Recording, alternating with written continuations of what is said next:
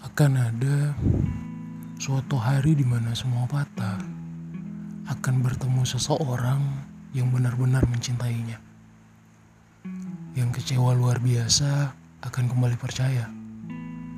Yang jerah untuk jatuh cinta akan dipertemukan dengan cinta yang mampu membuatnya bahagia.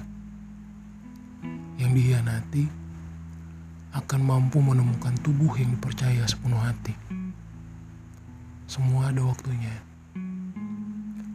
Teruslah berbenah diri agar pantas mendampingi mereka-mereka yang sengaja Tuhan tunda untukmu hingga akhir cerita. Sudah lama rasanya setelah aku menjadi seseorang yang asing, perihal mencintai dan dicintai. Setelah sebuah pertemuan dalam ketidaksengajaan waktu itu, aku selalu berpikir, apalagi yang akan semesta rencanakan.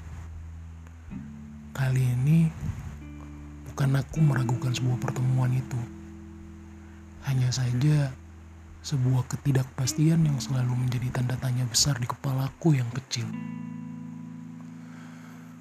Sebab menjadi dua yang satu dari rentetan cerita kita adalah sebuah pekerjaan yang ingin kuulangi berkali-kali.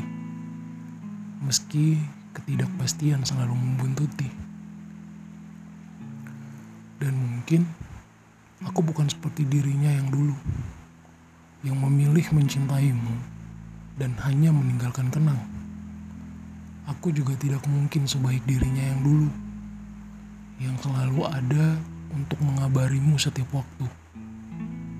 Namun, aku hanya ingin menjadi seseorang yang selalu bisa mendengar segala ceritamu tanpa kata jenuh. Melihatmu tertawa dari hal-hal sederhana yang ada dan menemanimu di saat yang lain tak ingin kau ganggu. Dan